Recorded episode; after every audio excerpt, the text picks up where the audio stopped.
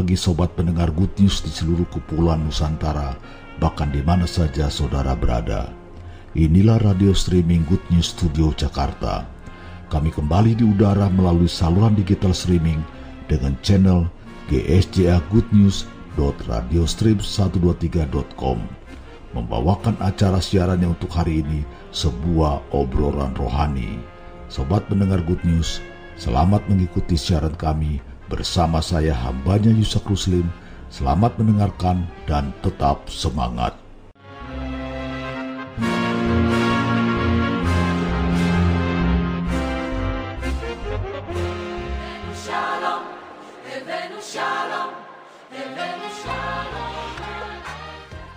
Ya, sudah saudaraku, selamat pagi, selamat berjumpa kembali dengan good news pagi hari ini. Senang tentunya kita bisa bertemu kembali. Sudah sudah kangen ya kita dengar lagi obrolan rohani tentang kesehatan. Haleluya. Tentu saja pagi ini host kita yang sudah tidak asing lagi yaitu Pastor Yakub Cia telah hadir di studio kita dan kita akan sapa beliau. Selamat pagi Pastor Yakub. Selamat pagi Ya, selamat pagi Pak Yusak, selamat pagi Sobat Gusnus di mana pun berada. Ya. Saya senang kita ketemu kembali. Ya, selamat ulang tahun ya buat istri Pak Yakub yang hari ini oh, berulang ya. tahun. terima kasih, terima kasih Pak Yusak. Oke, saudaraku, hari ini nanti Pastor Yakub saja yang langsung memperkenalkan narasumber kita karena satu jam ada kalanya tidak cukup ya. Oleh karena itu, mari silakan acara kita saya persilakan kepada Pastor Yakub. Silakan. Baik, terima kasih Pak Yusak. Selamat pagi sekali lagi buat Sobat Gusnus di mana pun berada, baik di rumah maupun di dalam perjalanan. Biar kita bisa menikmati siaran radio ini dalam perjalanan Bapak Ibu Saudara menuju kantor. Dan biarlah renungan uh, kita pagi ini adalah bicara mengenai mengenal kanker serviks. Hari ini kita akan mendengarkan narasumber kita di mana Tuhan sudah menolong dia dengan secara ajaib. Dia akan menyaksikan bagaimana Tuhan turut campur tangan di dalam kehidupannya sehingga sehingga dia ini boleh mengalami uh, mujizat Tuhan. Baik, kita langsung saja karena waktu semakin terus berjalan, saya akan menyapa kembali kepada narasumber kita. Selamat pagi Ibu Pinky. Ya, selamat pagi Pak Yakob, selamat pagi teman-teman semua. Puji Tuhan. Bagaimana kabarnya Ibu Pinky? Uh, puji Tuhan, baik dan sehat. Tuhan Amen. Yesus baik. Amin. Bu Pinky, saya mau tanya, ini Ibu pakai nama Pinky, uh, sebenarnya kan namanya Reni Trisina. Itu bagaimana? So, uh, orang banyak memanggilnya nama Ibu Pinky. Ya, uh, awalnya karena saya uh, seneng warna pink, terus hmm. uh, anak saya selalu panggil Pink, Pinky, Pinky gitu. Uh, jadi dia akhirnya terciptalah namanya Pinky. Oh begitu. Uh, ya. Lalu saya punya online shop, namanya juga Pinky Shop dan ya udah jadi akhirnya berkelanjutan dengan ponakan-ponakan saya yang selalu sering panggil Mami Pinky, Mami Pinky. Sampai hari oh. ini terciptalah nama itu, Pak. Oh begitu. Jadi nama itulah yang yang jadi sekarang tenar ya dibandingkan ya. nama as, nama aslinya ya. Oke, okay. baik Ibu Pinky, uh, saya tidak berlama-lama, saya langsung saja akan menanyakan tentang bagaimana Ibu mengalami mujizat dari Tuhan tentang sakit yang Ibu alami, ya. Uh, yang saya tahu Ibu adalah sakit kanker serviks, betul ya Ibu Pinky ya? Benar Pak. Oke, okay. nah baik saya mau mulai saja. Pertama yang saya mau tanyakan adalah bagaimana pengalaman apa apa yang terjadi awal-awal ibu kena sakit kanker cervix? Silakan ibu bisa ceritakan. Iya, awalnya 2016 itu saya bulan September pak, saya tiba-tiba ya. ada uh, pendarahan ya, okay. dan pendarahan itu cukup banyak. Saya sekali pendarahan itu bisa setengah bathtub. Hmm. Nah, tapi saya pikir kan itu hanya uh, menstruasi yang banyak Yeah. Seperti uh, kebanyakan wanita kan biasa kalau mens itu kan banyak. Jadi saya pikir ini mungkin karena uh, baru hari pertama jadi lagi deres-deresnya gitu loh. Hmm. Uh, saya nggak ada curiga. Yeah. Uh, tapi di bulan berikutnya juga tidak terjadi masalah sampai akhirnya terjadi di bulan uh, September. September oh, itu pada saat saya itu? Kenapa Pak? September tahun berapa? 2016. Oke okay, oke. Okay. Uh, uh, jadi pada saat saya di kantor itu tiba-tiba bleedingnya banyak. Hmm. Uh, uh, dan dari jam 12 siang itu sampai jam 3 uh, nggak stop. Lalu saya memutuskan untuk uh, izin dari kantor, saya langsung ke dokter. Yeah. Saya ke dokter, tingkat cerita diperiksa sama dokter nggak apa-apa. Uh, lalu akhirnya uh, dokter kasih obat dan stop. Yeah. Itu September. Uh, nggak lama, seminggu kemudian saya bleeding lagi. Hmm. Tapi pada saat bleeding ini sampai sore jam 5 memang benar-benar nggak stop lalu saya ke rumah sakit lagi. Saya ke rumah sakit, saya uh, konsul lagi dengan dokter apa semua, ternyata dokter nggak ngizinin saya pulang karena kan uh, bleedingnya sudah hebat ya. Uh, udah Ini banyak rumah sakit yang sama ya, Ibu Pinky? Iya, rumah sakit yang sama Pak. Okay, rumah ya, sakit ya, yang sama, lalu dokter periksa dan akhirnya ternyata uh, HB saya tinggal 6. Oh, iya. Harusnya HB kan uh, 11 ya, 10 iya, sampai iya, 11 gitu. Uh. Uh, tapi saya cuma 6. Akhirnya dokter uh, suruh saya untuk uh, rawat inap karena harus tambah darah. Nah, tambah darah itu jam 12 malam, besok paginya baru saya di biopsi. Oke. Okay. Hmm, pada saat di biopsi itu hasil nggak langsung keluar, Pak. Oh. Uh, uh, oh. Dan saya tetap masih tambah darah setelah uh, kurang lebih dua minggu uh, keluar biopsi hasilnya ternyata yeah. uh, dinyatakan kalau itu kanker serviks stadium 2B. Oke. Okay. Ya, uh, dokter minta saya untuk uh, angkat ya semuanya mulai dari bawah sampai rahim angkat. Uh, tapi saya nggak percaya begitu aja maksudnya. Hmm. Kok hmm. tiba-tiba main suruh angkat aja gitu kan? Akhirnya iya. saya yeah bulan Januari itu saya pergi ke rumah sakit lain untuk cek. Nah, dokter juga nganjurin untuk biopsi lagi.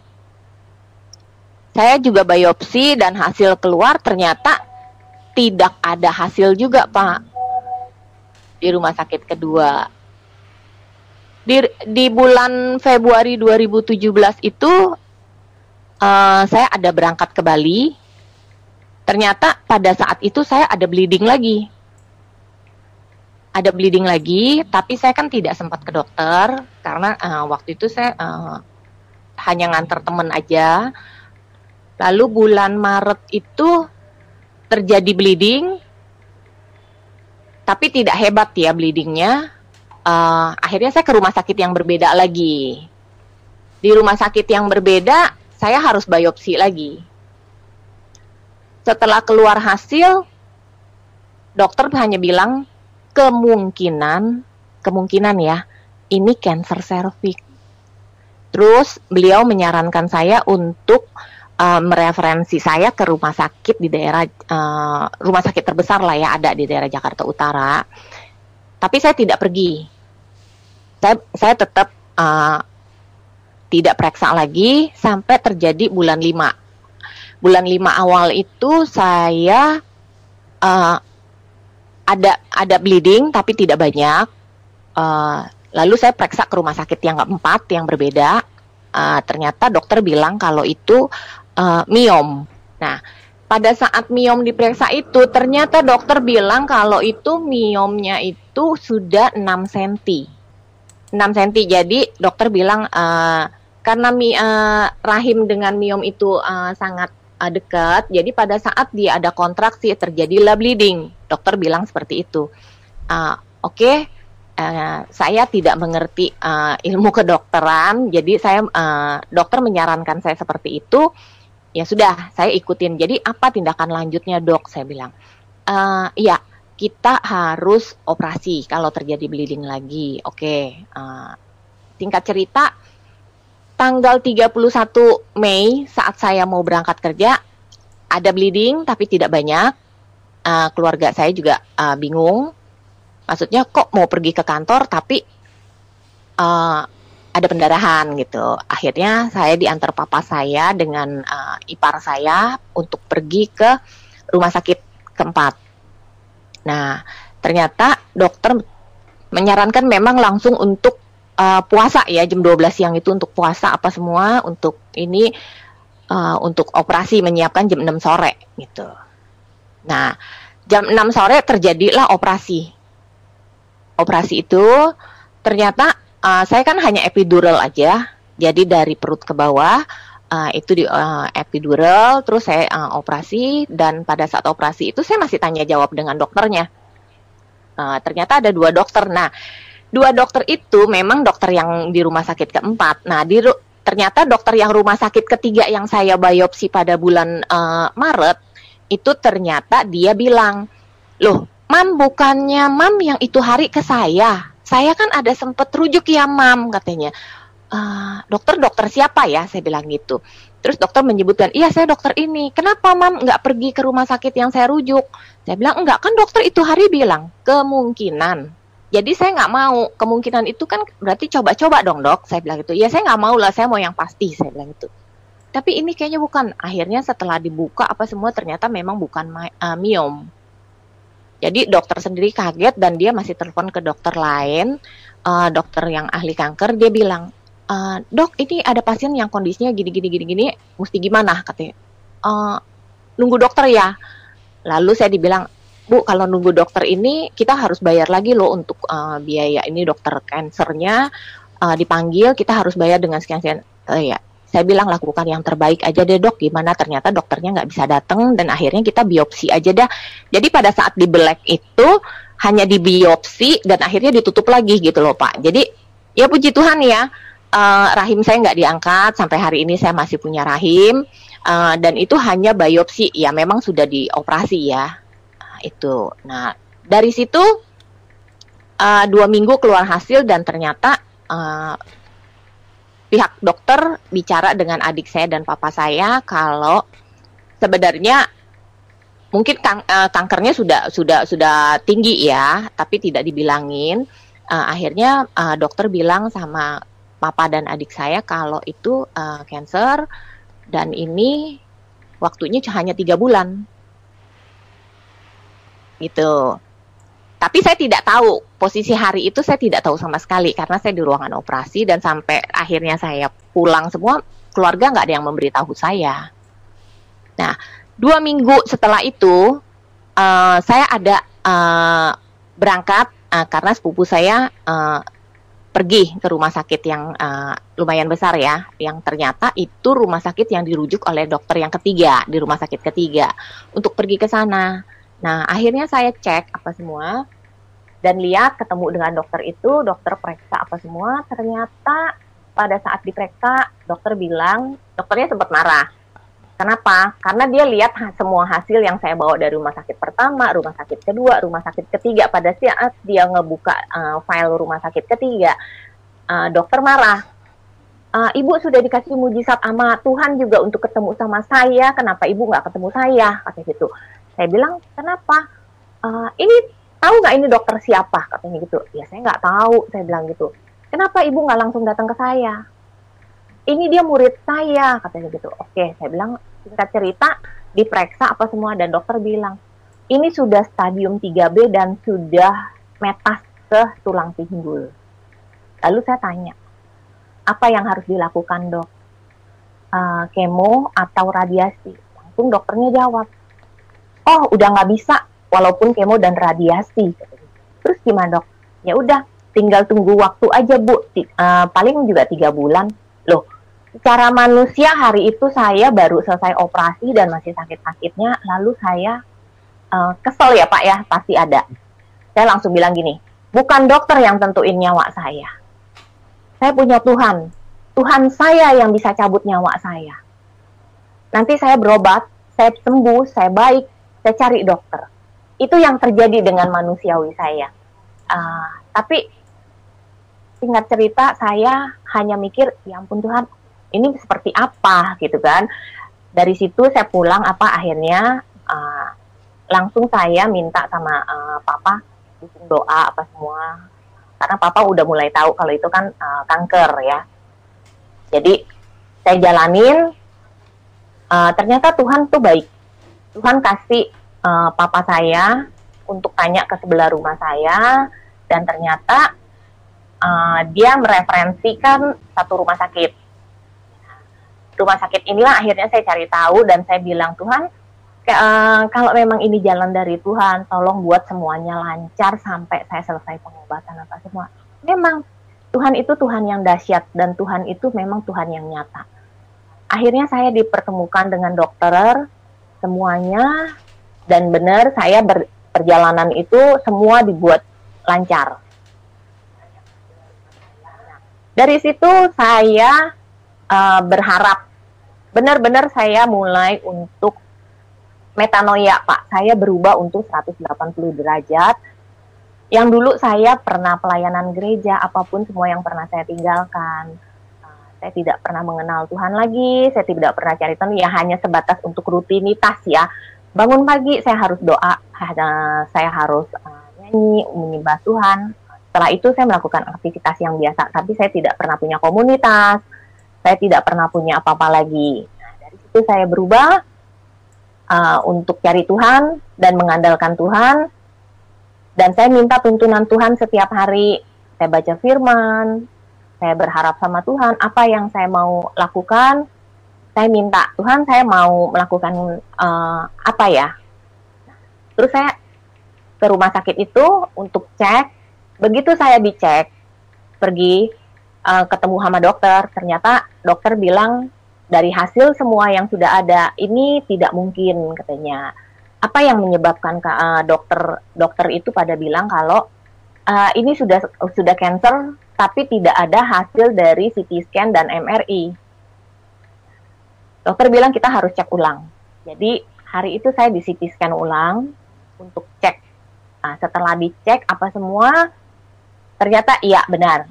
Uh, hasil sudah keluar kurang lebih satu jam dokter bilang kalau itu memang benar kanker serviks dan sudah stadium 4 akhir. Ya. Uh, nangis? Ya. Tidak ada karena saya uh, tidak ada yang harus saya sembunyikan ya. Pasti saya sedih. Karena begitu tahu langsung stadium 4 akhir. Tapi saya ada tanya sama dokter, uh, dokter uh, apakah ada penyebaran ke tulang pinggul. Lalu dokter buka hasil CT scan-nya lagi, dia bilang gini, oh uh, tidak. Uh, kebetulan ibu punya kanker serviks ini ketahan dengan kantong kemih. Jadi hanya stop di situ, jadi tidak ada penyebaran sama sekali. Di situ saya hancur hati dan benar-benar saya akhirnya nangis. Saya bilang Tuhan terima kasih Tuhan buat kebesaran Tuhan buat semua yang sudah Tuhan lakukan untuk hidup saya. Ternyata kanker ini tidak menyebar. Kanker ini hanya sebatas untuk kanker serviks saja, saya bilang gitu. Oke, okay, lalu saya peluk dokter. Saya bilang terima kasih dokter. Apa yang harus saya lakukan? Saya bilang. Dokter bilang uh, kita masuk ke ruangan dan akhirnya dikasih tahu kalau saya harus melakukan kemo 14 kali itu waktunya seminggu sekali tanya kemonya berapa lama 9 jam oh, 9 jam ya. dari situ nanti kita akan lakukan radiasi luar uh, sebanyak 25 kali. Nanti setelah itu kita baru lihat lagi ya Bu katanya uh, musiknya gimana lagi. Tapi tetap akan ada dilakukan radiasi dalam sebanyak enam kali. Saya bilang oke okay, dok. Akhirnya saya tanya dengan remuk dengan keluarga apa semua. Papa saya bilang oke okay, jalanin semuanya. Nah dari situ akhirnya saya benar-benar saya minta hikmat dari Tuhan tanya Tuhan kalau saya menjalankan kemo itu uh, harus bagaimana? Karena saya benar-benar tidak punya komunitas tidak punya pu uh, tidak punya pengalaman dengan teman-teman cancer. Akhirnya saya mencari tahu gitu loh seperti apa sih kanker serviks dan pengobatannya. Saya coba-coba cari di internet dan akhirnya saya oke. Okay, saya bilang Tuhan saya mau menjalankan semua ini. Tapi dengan satu catatan ya Tuhan saya bukan orang kaya saya bukan orang mampu saya tahu penyakit kanker ini penyakit orang kaya dan biayanya ini sampai panjang Nah, lalu dari situ saya bilang Tuhan saya mau jalanin semuanya, tapi Tuhan yang siapkan dananya saya nggak mau saya punya rumah, saya nggak mau saya punya mobil, akhirnya hilang semua Tuhan. saya percaya Tuhan saya Tuhan yang kaya, Tuhan saya Tuhan yang mampu menyediakan semuanya. Dari situ pergumulan saya uh, hari demi hari mulai pergumulan sampai akhirnya saya harus menjalankan kemo kan Pak. Kemo, uh, saya masih uh, nanya sama Tuhan, Tuhan, saya mau negosiasi dengan Tuhan. Pada saat saya mau menjalankan kemo, saya mau Tuhan menjalankan semuanya, semua treatment yang saya jalankan, tapi saya minta Tuhan, jangan kasih saya mual, jangan kasih saya muntah, jangan kasih saya untuk tidak punya nafsu makan. Saya mau jalanin kemo, saya mau badan saya sehat, saya nggak mau seperti yang sudah-sudah lihat orang itu ternyata kemo itu bisa sampai drop, sampai kurus. Seminggu demi seminggu Tuhan jawab Pak. Tuhan jawab, uh, kalau saya kemo itu biasa saja. Tidak ada tidak ada mual, tidak ada muntah, bahkan sampai kemo beberapa itu uh, dari kemo pertama sampai kemo keenam saya tidak rontok rambut sama sekali. Ya Tuhan jawab semuanya. Sampai uh, kemo keenam itu ternyata uh, dokter ganti uh, obat kemo yang lebih tinggi lagi. Uh, jadi dosis saya dinaikin dua kali lipat. Nah, pada saat udah kemo ke-6 itu ternyata saya dibarengin dengan radiasi. Jadi uh, waktunya cukup panjang ya. Uh, saya menjalankan radiasi, saya juga setiap masuk ruangan radiasi saya selalu bilang Tuhan, saya mau radiasi. Saya dengar dari orang-orang kalau uh, radiasi itu tuh panas banget gitu dan bisa kulitnya gosong. Saya mau jalanin semua Tuhan, tapi saya tidak mau satupun kulit saya gosong. Ternyata Tuhan jawab Pak, dari radiasi pertama sampai radiasi ke-25 itu, puji Tuhan, saya tidak ada gosong satupun sama sekali. Bahkan uh, dokter bingung, kenapa ya pasien-pasien yang lain itu tuh gosong, hitam semua, uh, tapi malah saya sebaliknya, saya selama kemo naik 8 kilo. Dan saya kulitnya tambah putih. Itulah pada saat kita mengandalkan Tuhan, pada saat kita benar-benar berharap sama Tuhan, ternyata Tuhan kita tuh Tuhan yang benar-benar dahsyat dan dia tuh tidak pernah tidur. Dia benar-benar memberi kepanjangan tangannya itu untuk menolong kita. Apa pun yang terjadi di dalam hidup kita, kalau kita berserah sama Tuhan, kalau kita benar-benar mengandalkan Tuhan, Tuhan pasti turun tangan. Tuhan pasti campur tangan di dalam setiap apa yang kita minta. Ya memang tidak instan ya Pak, tapi saya melihat di situ mujizat Tuhan itu benar-benar nyata. Mujizat Tuhan itu tidak pernah tidak ada tapi mujizat itu tuh terjadi sampai sekarang ini saya rasakan benar-benar Tuhan itu dahsyat Tuhan yang hebat Tuhan yang tidak ada duanya.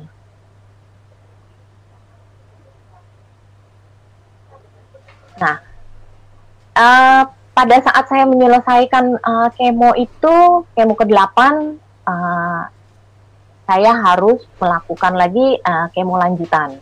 Kemo lanjutan itu per tiga minggu sekali pak jadi per tiga, tiga minggu sekali saya harus kemo. Uh, nah pada saat kemo yang uh, lanjutan yang pertama itu, saya tanya, dok, uh, cancer cervix saya sudah sudah berapa senti? Karena di awal itu cancer cervix saya tuh hampir 7 senti, Pak. Dan uh, bukan 7 cm aja karena karena bekas di biopsi. Jadi ada titik-titik yang kecil ini sekitar 6 atau 7 titik, ada yang 2 cm, ada yang 3 cm karena kan sudah di biopsi. Ibaratnya sudah dicongkel-congkel gitu kan ada luka ya. Uh, ternyata dokter mau untuk saya melakukan kemo lagi. Nah, kemo lanjutan itu saya lakukan tiga minggu sekali. Pada saat kemo yang uh, lanjutannya saya cuma ngomong dok ini seberapa? Oke, okay, uh, eh, ternyata cancer cervixnya itu sudah tinggal 2 cm. Puji Tuhan, saya bilang terima kasih. Nanti uh, kamu tiga minggu harus datang, datang lagi ya untuk kemo. Oke, okay, saya lakukan lagi Pak. Nah, dalam waktu tiga minggu ini, saya benar-benar doa, saya benar-benar bilang, Tuhan, saya percaya Tuhan, pada saat nanti kemo yang uh, kedua ini Tuhan, yang uh, tahapan kedua, saya percaya cancer saya akan berkurang satu senti.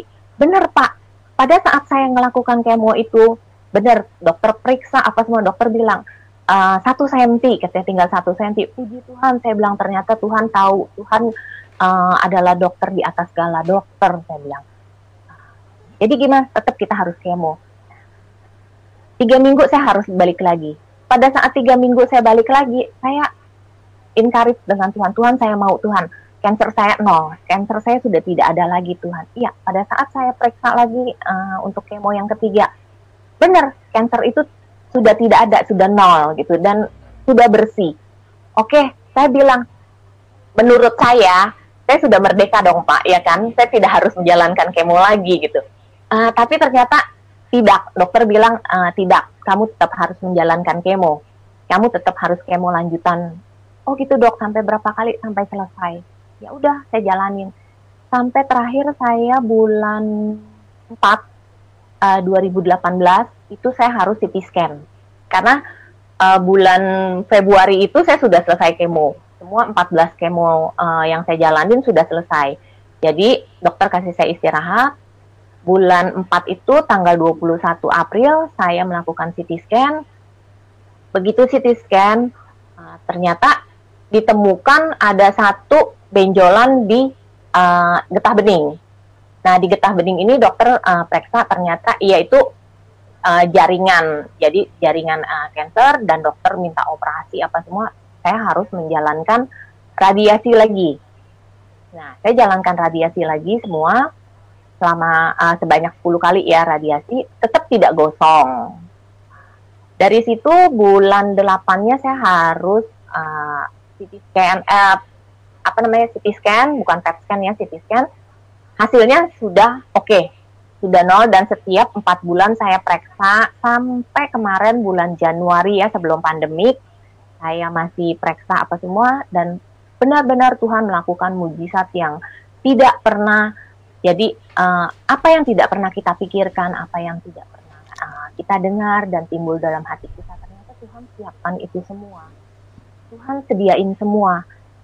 Sampai bulan Januari itu ternyata benar-benar Tuhan melakukan mujizat di dalam hidup saya dan saya benar-benar dinyatakan sudah bersih dari cancer. Ya, bersyukur tidak semua orang bisa merasakan seperti saya, yang saya sudah di titik akhir bahwa saya sebenarnya uh, di stadium 4 akhir itu kan kebanyakan orang sudah tidak ada harapan ya Pak. Tapi pada saat itu juga ternyata Tuhan memberikan saya satu kesempatan hidup lagi. Kenapa ya? Saya mungkin tidak bisa bilang apa-apa di sini, tapi saya percaya karena kita semangat akhirnya dari situ uh, saya mencari untuk mencari dan uh, ternyata saya punya komunitas dan saya ketemu dengan uh, komunitas yang namanya CISC. Jadi bulan kalau nggak salah bulan Januari saya gabung di uh, CISC karena ada seminar. Terus saya didata dan akhirnya saya punya komunitas sampai hari ini komunitas CISC lah yang selalu mensupport saya yang punya teman-teman kayak Cik Maria. Uh, terima kasih juga untuk uh, Bu Esther di sini di wadah CISC ini saya bertumbuh di mana saya harus berubah pola pikir dari setiap mindset saya dari waktu saya sakit sampai hari ini saya membuang setiap pikiran-pikiran negatif saya membuang setiap hal-hal yang sia-sia tapi saya tetap harus uh, setia sama Tuhan. Itu yang saya bisa bagikan. Dan uh, saya lihat kebanyakan dari pasien uh, cancer ya Pak, apa pun kansernya, pasti yang di yang dipikirkan itu pertama uh, meninggal. Tapi saya di sini mau kasih tahu, uh, itu bukan hal yang mematikan. Cancer bukan hal yang menakutkan sebagai momok yang benar-benar kita harus uh, aduh mati nih, aduh mati, aduh mati gitu ya. Tapi di sini kita harus uh, merubah setiap pikiran kita, setiap mindset kita bahwa uh, apa yang kita pikirkan itu sebenarnya salah. Kalau kita menanamkan satu pikiran negatif, uh, aduh mati nih, mati nih, yaitu mindset itu yang ada, nah itulah yang akan terjadi di bawah alam sadar kita dan ke bawah itu akan terjadi benar-benar akan nyata tapi pada saat kita merubah setiap mindset kita, merubah pemikiran kita, saya pasti sehat, saya pasti sembuh. Sama itu dengan menanamkan satu imun tubuh ke dalam tubuh kita bahwa kita bisa survive, kita bisa sehat, kita bisa bangkit lagi. Itu sel-sel kita pun akan uh, meregenerasi dan kita tetap akan survive.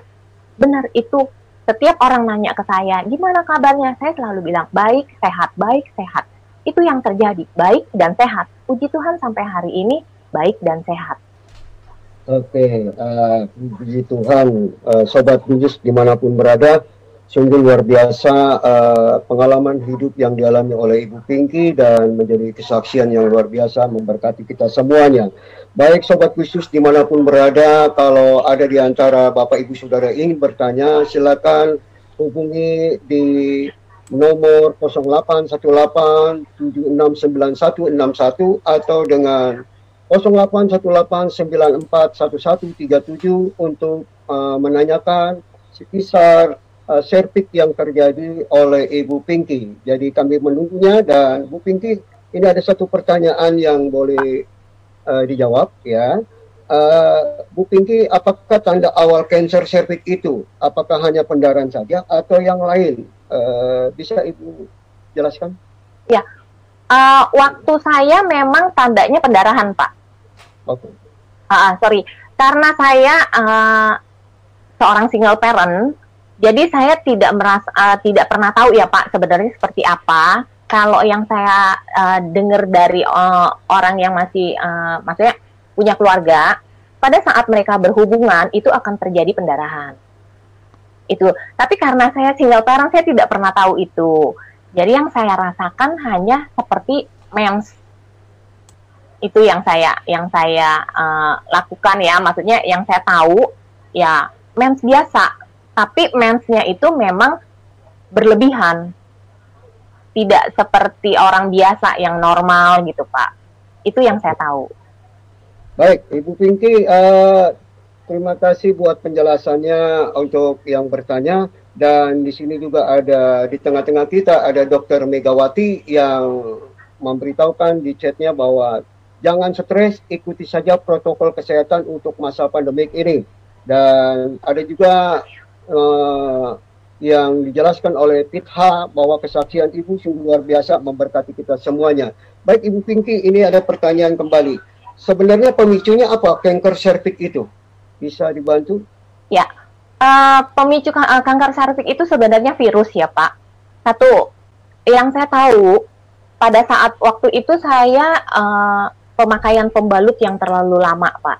Hmm. Ya, jadi sebenarnya pemakaian pembalut itu harusnya uh, satu jam atau setengah jam kita harus ganti. Karena kan kita uh, tapi karena saya waktu itu masih kerja di kantor jadi nggak mungkin pak setiap setengah jam atau satu jam saya izin ke toilet gitu. Rasanya sungkan ya pak. Jadi saya bertahan untuk tiga jam nyaman-nyaman aja gitu. Padahal kan tidak nyaman itu. Terus kedua kita pemakaian toilet umum pak kita nggak tahu toilet itu bekas siapa terus pemak uh, airnya bagaimana jadi itu juga yang menyebabkan uh, virus. Oke, okay, uh, eh, terima kasih buat penjelasan dari Ibu Pinky ya. Jadi sobat Gustus di mana pun berada, mari perhatikan ya bagi para wanita. Uh, kalau pada saat lagi datang men, kata Ibu Pinky, tolong uh, pembalutnya jangan sampai dipakai berlama-lama ya sesuai dengan apa yang disampaikan oleh Ibu Pinky Nah, kemudian Ibu Pinky juga memberitahukan waspada kalau kita berada di toilet umum. Jadi kita harus uh, perhatikan ini. Ini juga sangat mempengaruhi buat para wanita. Uh, jangan sampai terjadi cancer cervix itu ya. Nah, so Ibu Pinky ini ada pertanyaan lagi. Awal-awal sebelum dinyatakan cancer uh, tidak mengalami sakit perut atau kram perut di luar di luar men. Ini pertanyaannya. Uh, kebetulan itu saya tidak alami, Pak Bahkan kalau yang saya dengar dari dokter yang waktu operasi saya itu ya, uh, sebenarnya kalau uh, pasien yang sudah uh, kena cancer cervix itu kita duduk dengan pasien aja yang jaraknya satu meter itu sudah tercium bau gitu loh pak. Nah puji Tuhannya tanda-tanda seperti keputihan dan bau-bau itu saya tidak pernah mengalami pak. Iya, oke. Jadi tidak dialami itu ya oleh Ibu Pinky. Baik, mungkin uh, saya kembali uh, sedikit mau bertanya kepada Dr. Mega. Dr. Mega, apakah bisa membantu kami uh, mungkin ada penjelasan selanjutnya selain daripada Ibu Pinti uh, mengenai awal-awal sebelum dinyatakan kanker. Bisa dibantu Ibu, uh, Ibu uh, Dr. Mega? Selamat Selamat pagi Bu Pinky dan semuanya. Ya, pagi Dokter ya. Mega. Se uh, sebelumnya saya ucapkan terima kasih atas kesaksian dari Bu Pinky ya, yang sangat ya. uh, sangat terkesan dan tetap harus menjaga diri dan jangan stres itu. Ya, Mungkin emang uh, semua kita tidak tahu itu gen kanker atau ada bagaimana ya sebenarnya jadi mungkin ini seperti yang tadi Bu Pinky cerita, gejalanya bisa aja se seba sebagai itu uh, seperti itu. Jadi kita ya tetap saja waspada ya. Untuk emang benar untuk ke uh, toilet umum ya kita harus hati hati-hati apalagi yang toilet duduk karena kan itu bekas injakan dudukan orang semuanya. Mm, jadi bagusnya sih toilet jongkok saja gitu. Mm -mm. Dan apalagi ya semangat aja dah Bu Pinky sementara ya. yang lainnya sudah cukup sudah cukup banyak cerita dari kesaksian Bu Pinky senang kita bisa mendengarnya dan mudah-mudahan pendengar yang lain juga bisa ikut menikmatinya dan menjaga atau memberi support kepada teman-teman se komunitasnya atau di luar komunitasnya. Seperti Bu Esther itu benar-benar sangat sangat membantu untuk komunitas semuanya karena sudah sebagai mami saja. Terima kasih. Oke, terima kasih Dokter Mega aja yang Ya, terima kasih Tuhan berkati Dokter Mega yang sudah sedikit memberikan pencerahan buat kita. Uh, baik Ibu Pinky, ini ada pertanyaan kembali. Ibu Pinky, uh, makanan apa yang dipantang uh, kalau orang yang sudah kena sakit cancer? Bisa dibantu Ibu Pinky jelaskan? Uh, saya kebetulan saya sudah menghindari yang namanya makanan uh, daging ya Pak. Saya ya. menghindari uh, eh, 5P. Jadi saya menghindari uh, pemanis, uh -uh. pelezat, pembakaran, terus saya uh, pewarna, itu saya hindarin semua. Oke, okay, uh, sobat khusus di mana pun berada, ya jangan sampai uh, ini pesan dari Bu Pinky adalah 5P yang perlu kita uh, waspadai memang betul uh, waktu dulu kami saya sakit kanker nasofaring pun dokter meminta kita untuk 5P jangan jangan sampai berkelebihan itu berbahaya buat kita ya yang sudah dijelaskan oleh Bu Pinky. Bu Pinky ini ada ucapan terima kasih uh, untuk kesaksian Bu Pinky. Bu, Bu bisa nggak uh, dari miom bisa kena cancer? Uh, sebenarnya kalau miom itu bukan cancer pak jadi kalau Jadi miom itu bukan, bukan, kalau miom itu bukan cancer. Baik, uh, Saudara Tigenus, uh, pertanyaannya tadi sudah dijawab oleh Ibu Pinky bahwa miom itu bukanlah cancer. Tetapi apakah itu bisa mengarah kepada cancer? Maksudnya begitu, Bu Pinky? Uh, kita harus harus uh, ke dokter uh, onkologi ya Pak ya, karena saya tidak tidak uh, tidak tahu untuk uh, lebih jelasnya apakah miom itu bisa cancer atau tidak tapi lebih baik kita bertanya uh, ke dokternya yang ahli. Kalau kita bertanya dengan orang yang uh, tidak mengerti juga kan sama juga bohong ya Pak. Jadi ya, lebih baik kita menanya kepada medis aja karena medis yang lebih jelas dan medis pasti tahu. Oke, okay, uh, eh, mumpung di sini ada Dokter Mega, ya bisa jelaskan Dokter Mega apakah bisa uh, orang yang kena miom bisa kena cancer? Bisa jelaskan Dokter? Mungkin saya izin menambahkan saja. Miom itu bukan suatu cancer ya. Miom itu adalah seperti hamil anggul gitu, hamil anggur. Uh, jadi kalau untuk gen cancer itu semua yang uh, kita juga tidak tahu. Jadi bukan karena miom aja kita semua orang juga tidak tahu apakah ada gen gen cancer atau tidak. Tapi kalau keluarganya ada yang cancer itu uh, kemungkinan punya gen. Jadi harus diperiksakan kepada dokter. Uh, dokternya walaupun seperti kita ada benjolan sedikit, kebetulan apa ya kita daripada kita stres was-was ya langsung aja kita periksa. Karena itu e, benjolan itu suatu benjolan adalah suatu e, kanker. Kang eh itu apa e, harus dicek itu kanker atau bukan gitu. Nah, kanker itu ada dua macam, ada yang ganas, ada yang bukan jadinya. Jadi yang penting kita tidak boleh stres, tetap menjaga kondisi tubuh makan yang bergizi, cukup vitamin, apalagi di masa pandemi ini kita harus mengikuti protokol kesehatan yaitu 3M. Masker, mencuci tangan, memberi jarak satu meter minimal satu meter. Terima kasih. Terima kasih Dokter Mega untuk penjelasannya. Biar Sobat Khusus boleh bisa memahami apa yang dijelaskan oleh Dokter Mega. Baik kembali Ibu Pinky, saya kembali ada pertanyaan seperti ini. Uh, miomnya Ibu Pinky sekarang bagaimana? Uh, yaitu Pak, yang dibilang miom itu ternyata itu bukan miom, itu adalah sel kankernya. Yang dibilang dokter itu awalnya 6 cm, itu sebenarnya bukan uh, miom, tapi itu adalah sel kankernya. Dan karena sel kankernya sudah dibiopsi, akhirnya dia uh, jadi 7, 7 cm, 7,8 cm seingat saya sih Pak. Baik, uh, Bu Pinky, ini ada pertanyaan. Tadi kan ada 5P yang yang harus dipantang. Nah, ini ada pertanyaannya adalah uh, buah manis seperti semangka, melon, apakah itu tidak boleh dikonsumsi bagi kita yang uh, sudah diponis cancer uh, cancer cervix? Uh, gini, karena cancer cervix itu disebabkan oleh virus ya Pak, bukan hormon, virus.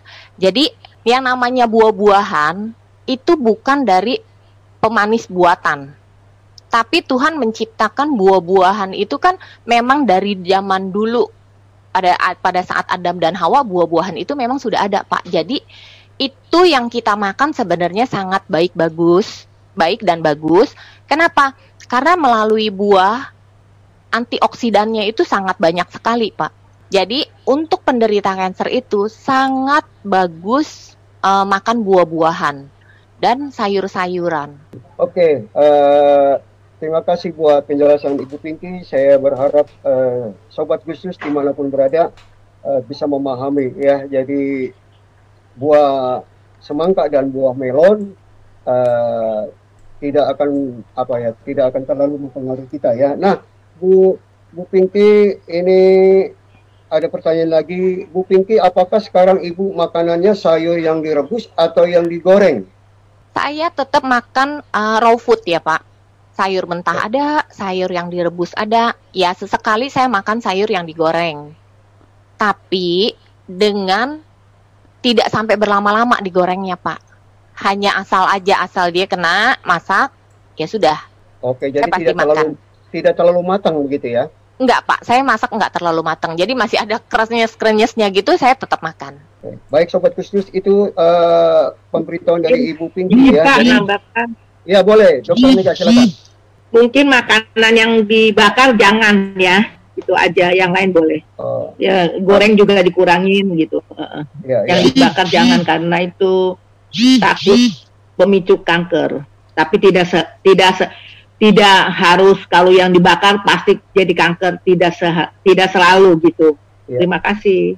Oke, terima kasih Dokter Mega. Berarti Dokter Mega menjelaskan lagi tambahannya, ayo hindari uh, makanan yang dibakar-bakar ya, uh, untuk jangan sampai terjadi pemicu uh, kanker yang kita alami. Memang inilah penyebabnya cancer-cancer uh, yang ada, entah itu cancer cervix, cancer payudara, cancer nasofaring, uh, cancer paru, itu semuanya pasti dokter menyarankan uh, jangan uh, menggunakan makanan yang bakar-bakar karena itu sangat memicu sekali. Baik, terima kasih buat Dokter Mega dan uh, buat sobat khusus semua di mana pun berada. Apabila ada yang ingin kembali mau bertanya kepada narasumber kita, silakan hubungi kami di 0818769161 atau 0818941137. Kami akan menunggu uh, pertanyaan Bapak Ibu Saudara sekalian saya akan membacakan uh, di chat ini, di Zoom ini ada kalimat-kalimat yang harus saya sampaikan. Dari Ibu Teti, dia berkata Tuhan Yesus sungguh luar biasa, selalu uh, memberkati Ibu Pinky dan kita semuanya. Lalu dari Ibu Aida uh, berkata, ajaib benar puasa Tuhan Yesus. Terima kasih atas kesaksian Ibu Pinky. Semoga Ibu Pinky terus menjadi berkat dan mendapat semangat bagi semua penyintas-penyintas yang lainnya.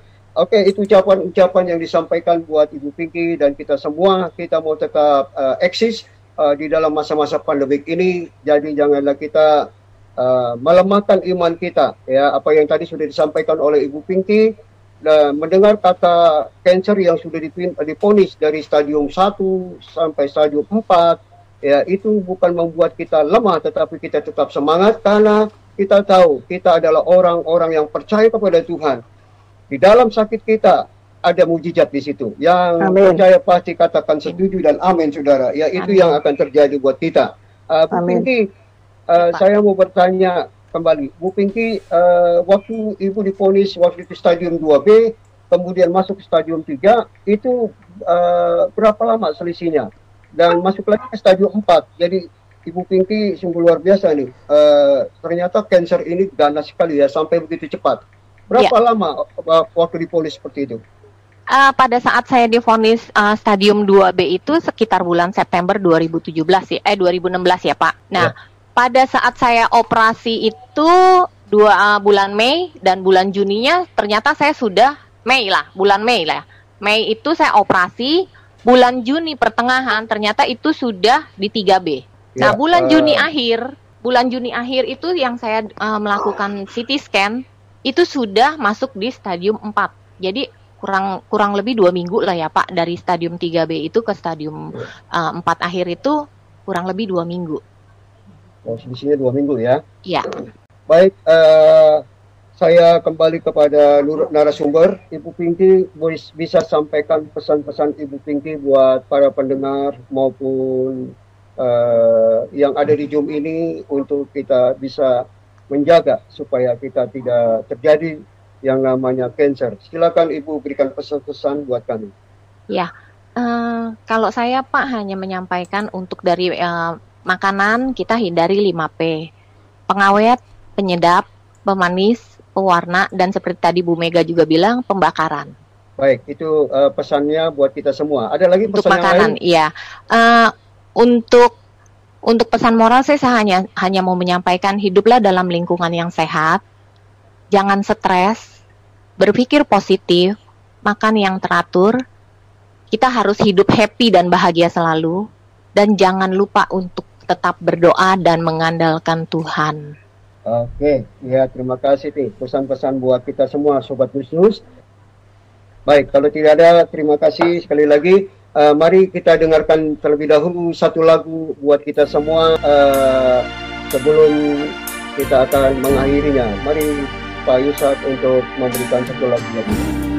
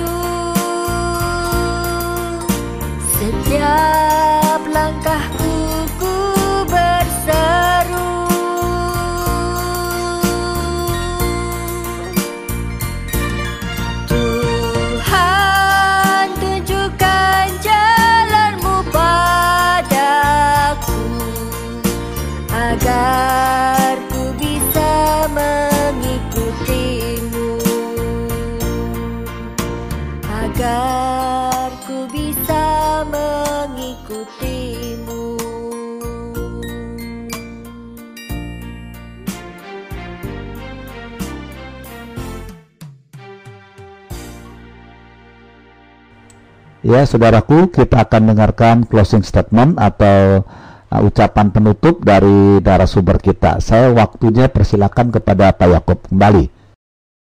Sobat khusus di mana pun berada, uh, ada satu pesan lagi yang mau disampaikan oleh Ibu Pinky buat kita semuanya. Mari kita dengarkan bersama-sama. Silakan Bu Pinky. Ya Pak. Uh, jadi cancer bukanlah akhir dari segalanya Pak justru dari cancer adalah titik dari saya, titik transmisi dari saya untuk menintrospeksi diri saya dan berubah dalam karakter, lebih mempunyai kasih dan lebih benar-benar mengandalkan Tuhan.